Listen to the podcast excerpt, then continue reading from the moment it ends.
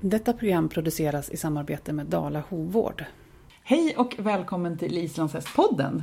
Idag är det en lite speciell dag, för Islandshästpodden fyller faktiskt ett år. Så idag gör vi intervjun både jag och Anna. Så välkommen till dig Anna! Jo men tack Miriam! Välkommen hem till mitt kök, för det är där vi är idag. Och idag har vi också bjudit in eh, Monique Nilsfors. Välkommen till podden! Tack!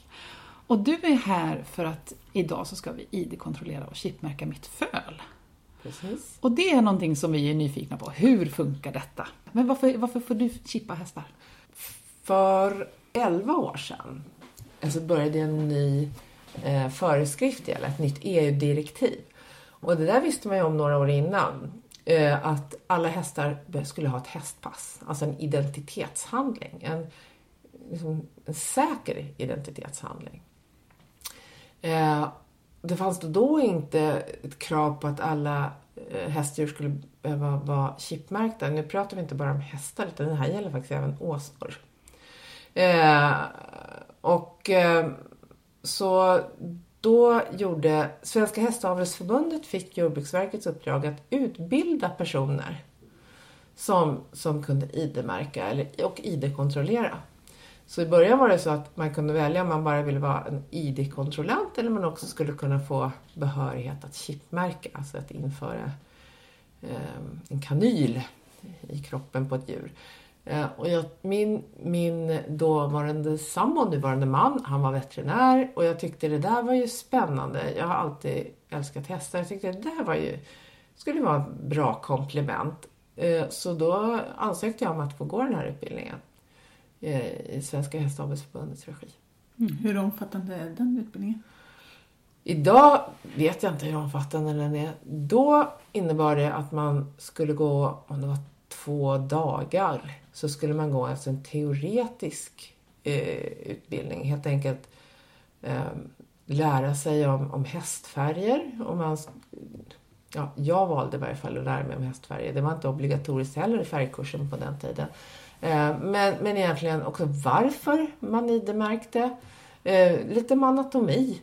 Var ska man sätta det här chippet och vad ska man... Säkerhetstänk och så. Och så hade vi då eh, praktiskt, det här var på Strömsholm, praktiska övningar i att rita av hästar. Alltså, man, man måste lära sig alla kännetecken.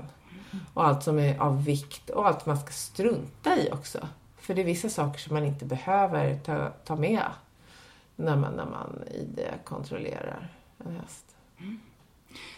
Det och sen ju... utöver det så gick jag då en chipmärkningskurs då, för vi fick vi åka till ett stuteri. Och eh, var den på en eller två dagar. Vi fick ID-märka alla, och det var många. Mm. Och unghästar och även några äldre hästar. Så var vi då ett gäng personer som fick ID-märka alla de här hästarna. Och det var genom en um, en veterinär som var lärare vid SLU som då undervisade oss. Mm. Det känns ju som att det är bra att ha lite hästbakgrund när man ska arbeta som ID-kontrollant. Kan inte du bara berätta lite snabbt? För vi känner ju dig som en avelsintresserad person. Men berätta lite grann, vem är Monique? Um, jag tror att det är en förutsättning att man tycker om hästar om man, om man vill hålla på med sånt här. Jag har ju alltid gillat hästar. Och eh, speciellt islandshästar de senaste 30 åren. Ehm, så framförallt så skulle jag, tyckte jag då att det skulle vara kul att jag är intresserad av färg och färggenetik. Så då tyckte jag det skulle vara otroligt spännande att få komma ut och se det här. Och det här var nog det bästa sättet att få se väldigt många olika hästar. Nu har jag ID-märkt även hästar av andra raser. Men jag föredrar ju islandshästar. Om man inte skulle chipmärka en häst eller ID-kontrollera den, kan man, kan man bara låta bli liksom? Ja, absolut. Mm. Men då, då bryter man egentligen mot, en, mot lagstiftningen.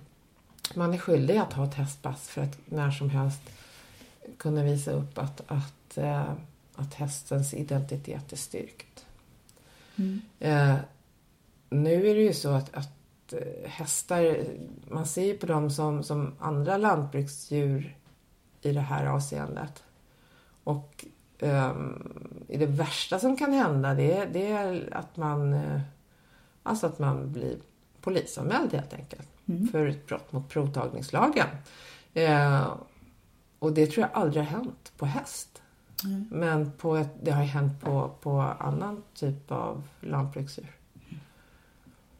För det här, det här med, med ID-handling, det har ju sin grund i, i... Det handlar om livsmedelshantering. För här ser man ju på hästen so- som en del i livsmedelsproduktionen. Och just i Sverige är det ju inte så vanligt att, att man föder upp för slakt. Men i Europa är det inte alls ovanligt. När ska man chippa en häst då? Alltså man kan ju chippa den egentligen så fort den, den har en en anatomi som tillåter det. Så det beror väl på vad den är för ras. Men eh, förra året, alltså 1 januari 2016 så började en ny hästpassförordning gälla i EU. Eh, och, eller i Sverige. Och det berodde på att man ville ha, att man införde något som heter centrala hästdatabasen. Den här nya hästpassförordningen i Sverige innebär att du måste ha ansökt om ett pass innan din, ditt föl är sex månader gammalt. Eh, Och om den då är född efter den första juli så ska man ändå ha ansökt innan den 31 december. Vilket i praktiken kan innebära, om ditt föl föds, föds första september till exempel, så är den ju yngre än sex månader. Men man har alltså, det, det är deadline, 31 december födelseåret. Så, så om den är född före första juli, senast sex månader. Men har det någon betydelse, tänker jag, när man eh, sticker eller så? Eh, jag tänker på fölet. Gör det något om det är ungt, tre, fyra månader? Det har, på en islandshäst så har det, fungerar det alldeles utmärkt. Okej. Ja. När de är väldigt små eh, så är det ju så att, eh, att om man inte har så mycket halsmuskulatur det. så är det ju så att man vill ju sätta... Alltså, det finns en bestämmelse som säger att det här eh, mikrochippet det, det ska injiceras mitt på halsen på vänster sida. Eh, har man ett väldigt litet föl med en väldigt tunn hals så kan man ju inte vara helt säker på att det verkligen hamnar på vänster sida. Du, du måste åtminstone gå, kunna gå och läsa det från vänster sida. Nu är det ju inte så att man struntar i att läsa om man inte hittar det på vänster sida. Men eh, det är där man räknar med att det ska sitta. Ehm, nu har ju jag förmånen att känna dig och veta att du chippar. Men om man inte känner någon som man vet chipmärker, hur ska man veta vem som får göra det? Finns det någon databas över vem som får ID-kontrollera? Ja, det finns. Det är ju Svenska Hästavelsförbundet som, eh, som, har jordbruk, som Jordbruksverket har gett i uppdrag att sköta det här. Eh, Så de har en, en eh, förteckning över alla som är utbildade i Sverige. Och som också har en liksom uppdaterad, för de gör med vissa intervall så gör man liksom en, en, en kontroll av att dels att man fortfarande ID-märker men att man också har den kompetensen. Då. Får alla ID-kontrollanter eh, kontrollera islandshästar? Eller är det något speciellt med våran ras? Eh, Man behöver ha gått en kurs i färggenetik. Så man måste kunna det med färglära. Och då är det inte bara att kunna identifiera färg, vilket kan vara lite knepigt. Utan man måste också förstå genetiken bakom. För att det finns något som heter genotyp och det finns något som heter fenotyp. Fenotyp, det är hur hästen ser ut. Och genotyp, det är egentligen de anlag hästen har. Och de stämmer inte alltid överens. Och på islandshästen finns det ju väldigt många färger. Så det här är ju inte alltid helt enkelt. Nej, det finns i stort sett alla, alla möjliga, alltså alla möjliga färger eh, på islandshäst. Förutom tigré, alltså prickiga hästar. Och sen finns, är det en typ av skäck som heter overo. Den, det är de färgvarianter som inte finns på islandshäst kan man säga. Sen finns det en skäcktyp som är extremt ovanlig, men som tydligen ska förekomma, som heter Sabian.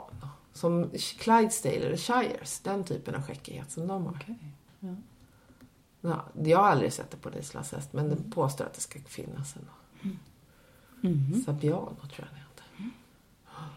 Så min förlunge då som är född i början av maj. Nu är vi i början av september, så hon är alltså fyra månader. Ja. Ehm, så nu har jag en förlunge och jag har tagit reda på att det är du som ska chippa henne. Ja. Men vad behöver jag mer förbereda inför att en ID-kontrollant ska komma till gården? Ehm, ja, det bästa är om ditt föl är van vid vara i, på en box, för min del. Eh, att den inte är väldigt rädd för människor. Att den har någorlunda grundhanterats. Det är optimalt. Hur, men kan man kontrollera? Det är många som håller sina islandshästar väldigt i stora flockar eller vilt på något vis. Hur, hur, man behöver få in den i en box och man behöver kunna ta på den. Nej, man behöver egentligen inte kunna ta på den så. Men man måste kunna tycka att den är, det är någorlunda... Det finns olika knep att ta till. Men den måste ändå tycka att, det, det att den inte får panik över att det finns en människa inom några meters räckvidd. Förut hade jag alltid en regel om att när man skulle ha haft grimma på fölet och att, att den skulle vara van vid att äta någon typ av kraftfoder eller någon annan, så här, någonting som den uppskattade. Men det visade sig inte vara riktigt genomförbart. Så man kanske bara får kolla med sin, den ID-kontrollant man stämmer träff med vad, vad de tycker att man ska göra. Ja, Men är det något annat man behöver förbereda, tänker jag? Måste man ha något papper hemma eller någonting? Eller har ID-kontrollanten med sig Ja. allting? har all, alla... Jag behöver bara ha mitt föl. Ja, precis. Behöver fölet ha ett namn? Eh, egentligen inte. Det, nu pratar vi om islandshästar. Mm. Så att när riderkontrollanten kommer ut så är det inte nödvändigt att du, att du har kommit på vad den ska heta. Men det behöver du veta den dag du ansöker om ett pass hos stambokföringsorganisationen. Just det. Men ska vi gå igenom hur det går till? Nu har vi en förlunge och vi har en ID-kontrollant. Mm. Vad händer nu? Ehm, jag, jag gör så att eh, jag, fölet ska ID-kontrolleras vid moderns sida. Det, det, det, det säger direktivet och föreskrifterna. Att så, så att den får, liksom, den får inte ha skilts från sin mor. Och jag brukar helt enkelt göra så att om mamma är nöjd och glad och lugn då brukar fölet tycka att det här är ganska okej, även om den inte är så mycket hanterad.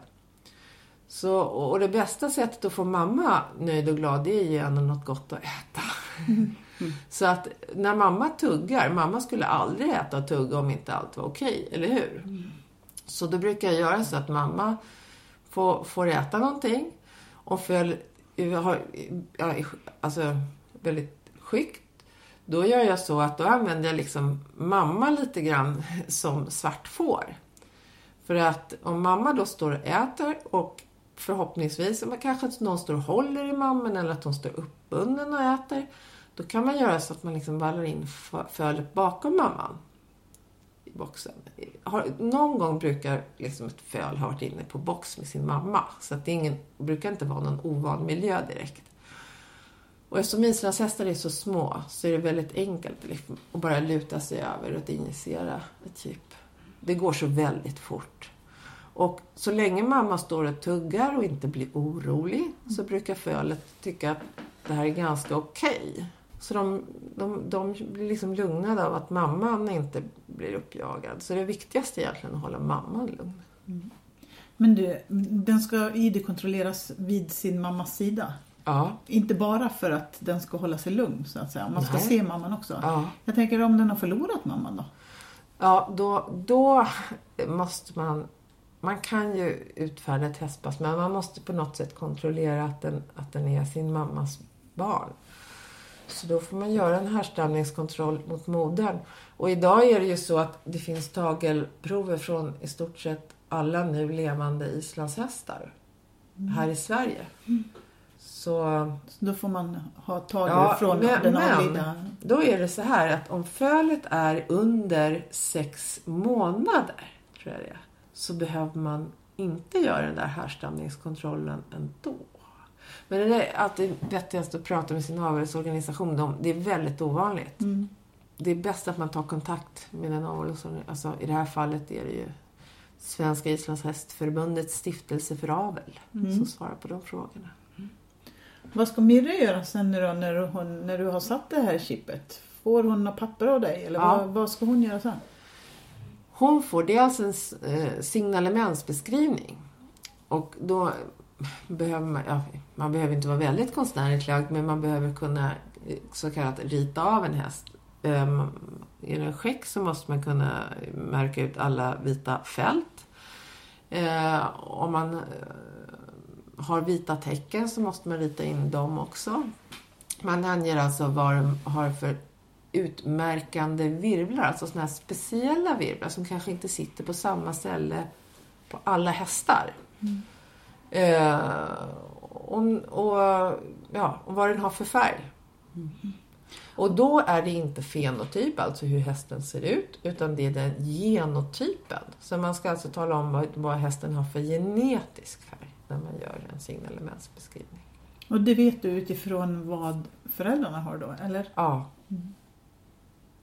För det, det är till exempel omöjligt för en, en svart mamma att få ett fö, föl som blir eh, Isabelle. Alltså gult. Om inte det kommer någon gul, gul anlag från, an, från pappan. Du kan inte få en Isabelle efter en fuxmamma och en svart pappa. Mm. Det är inte, det är inte liksom genetiskt möjligt. Och det här pappret som du fyller i då beskriver, visst är det det som hamnar i passet sen? Ja, det hamnar inte i passet, men man för över det passet. Just Det. gör eh, stambokföraren. Lämnar du det pappret med Mirre nu då? Ja, så att det- hon ska skicka det vidare? Precis. Det är hennes det alltså hästägarens eller uppfödarens ansvar att se till att man, att man ansöker om hästpass. Sen är det avelsorganisationens skyldighet att utfärda det här hästpasset inom 45 dagar. Så nu har jag en chippad fölunge och så har jag ett papper. Mm. Vad gör jag nu då? Eh, om det är, I det här fallet är det en islandshäst. Mhm. Och eh, då finns det en webbaserad lösning som heter Hestor. Och i Hestor ansöker man då digitalt om ett hästpass. Eh, man kan göra så att man skannar in eller tar en bild av signalementsbeskrivningen och en chipmärkningsrapport, för det får man också, att hästen har fått ett chip. Eh, har man inte möjlighet att scanna in det. Alla handlingar ska ändå skickas in till avelsorganisationen. Så att eh, om du inte kan ta en bild eller scanna in det så är det i sin ordning. Men eh, man går in på hästar och gör det. Och är det så att man inte har möjlighet att, att hantera, att man inte vet hur man ska göra det eller kan hantera en dator så det finns ju fortfarande möjlighet att skicka in det till avelsorganisationen. Då får man betala en extra hanteringsavgift. Ehm, och även andra raser använder sig av sådana här lösningar. Till exempel på halvblod har man också något som heter språngrulla.se då. Där man gör samma sak. Så då går jag in på hester.se. och- Hester.sifavel.se Ja. Och där måste du antingen logga in med ett bank, mobilt bank-id eller om man har något som heter World Fengur-id. World Fengur är alltså den, den internationella stambok där alla islandshästar i hela världen finns införda. Och ett World Fengur-id, är du medlem i Svenska Islandshästförbundet så är det en medlemsförmån för att de har ett samarbete med avelsorganisationen om att då ordnar de så att man får ett gratis eh, inloggning på World Finger. Man kan också betala för, för en inloggning om man väljer att inte lösa ett medlemskap, men det är inte ekonomiskt. Det bästa är att bli medlem i en SIF-ansluten klubb så får man ett World Finger-id och en, i- liksom en inloggning på köpet. Just det. Men det är på Hästur som jag går in och registrerar och ansöker om ett pass. Och också betalar för det. Mm. Berätta vad det kostar. Eh, för, om, för ett föl eh, som man har ansökt, om man ansöker om pass före sex månaders ålder, då betalar man 1000 kronor. Eh, egentligen är avgiften 1800 kronor. Men om man är så pass, alltså att man i god tid ansöker om det här passet och följer Jordbruksverkets föreskrifter, då, då eh, får man en rabatt på 800 kronor. Så att ansök, ansöker man om passet före sex månader så blir det 1000 kronor. Ansöker man om passet efter sex månader då blir det 1800 kronor. Och Just. sen får man också betala en avgift för, för härstamningskontrollen eftersom alla föl sedan 2009 härstamningskontrolleras mot sin far. Så får, får man betala ett självkostnadspris på 500 kronor för, för DNA-kontrollen. Då. Just det. Mm. Och hur är det här med namnet? När jag ansöker om pass, måste hästen ha ett namn då? Ja, det måste ha ett namn. Mm. Och är det då man kan bli nekad så att säga? Att namnet Ja. inte är Ja, godkänt? Det, ja, eh, det är nämligen så att på islandshästar så, så, så finns det i, i, den, i de, de regler man har antagit så ska alltså namnen på is, islandshästar följa den isländska namntraditionen. Och nu har man eh, blivit mer noggrann med att, att det verkligen är så. Så sen några år tillbaka så måste de, här- namnet man väljer antingen finnas med i något som kallas för snaran, den godkända hästnamnslistan. Den ligger på worldfinger.com. Eh, om namnet inte finns med där, då kan man ansöka till eh, en kommitté om att få namnet godkänt. Och om det bara liksom är, är mm, alltså är grammatiskt någorlunda korrekt och eh, har, har en betydelse så, kommer, så är det ganska stor chans för att du får namnet godkänt. Jag, jag har lyckats få ett namn godkänt så det, det är inte omöjligt. Och det här är ju en, en stor diskussion och mycket, mycket känslor runt det här. Så det kommer vi faktiskt att göra ett helt enskilt program om bara den isländska namntraditionen och hur det går till när man ansöker om att få Ja. sitt namn godkänt. Då. Ehm, Hur funkar ett chip? Sen? Alltså det är som en liten transponder, det är en liten sändare som sitter i ett keramiskt hölje. Som ser ut Hur som stor är en den? kapsel. Den är ungefär två millimeter i diameter och ja, drygt en centimeter lång i, i regel. Det finns några som är lite, lite mindre som är mer är anpassade för hund och katt. Men ehm, de vanligaste chippen är ungefär så stora. Och då finns det en transponder som man läser av med sen, eller? Ja, alltså precis. Man har en läsare. Mm. Det, är liksom, det sitter som en liten sändare i det här lilla chippet. En liten liksom, transit. Det är precis som ett chip i, alltså, som man har i andra eh, i an, annan elektronik. Och då har man alltså en, en, en avläsare. Så det man får upp då är egentligen bara det är ett nummer. funkar det här alltid? Nej, det gör det inte. Kan det funka med olika läsare? Eller om, om det, vad händer om det inte funkar? Eh, idag är det så, eller sen, de senaste, ja, de, åtminstone de senaste 15 åren så ska alla de här mikrochippen vara av ISO-standard. Och, och de läsare som, som används ska kunna läsa alla chip. Och tyvärr så fungerar inte det alltid. Och frågan är varf, varför det är så. Eh, de, har en, de är ISO-standardiserade men det går- inte alltid att läsa av med alla läsare. Ibland går de att läsa av med en universalläsare och ibland går det inte. Och jag, jag, kan, jag kan inte svara på varför det är så. Men ett chip kan sluta fungera. För så är det med all elektronik. Det kan sluta fungera.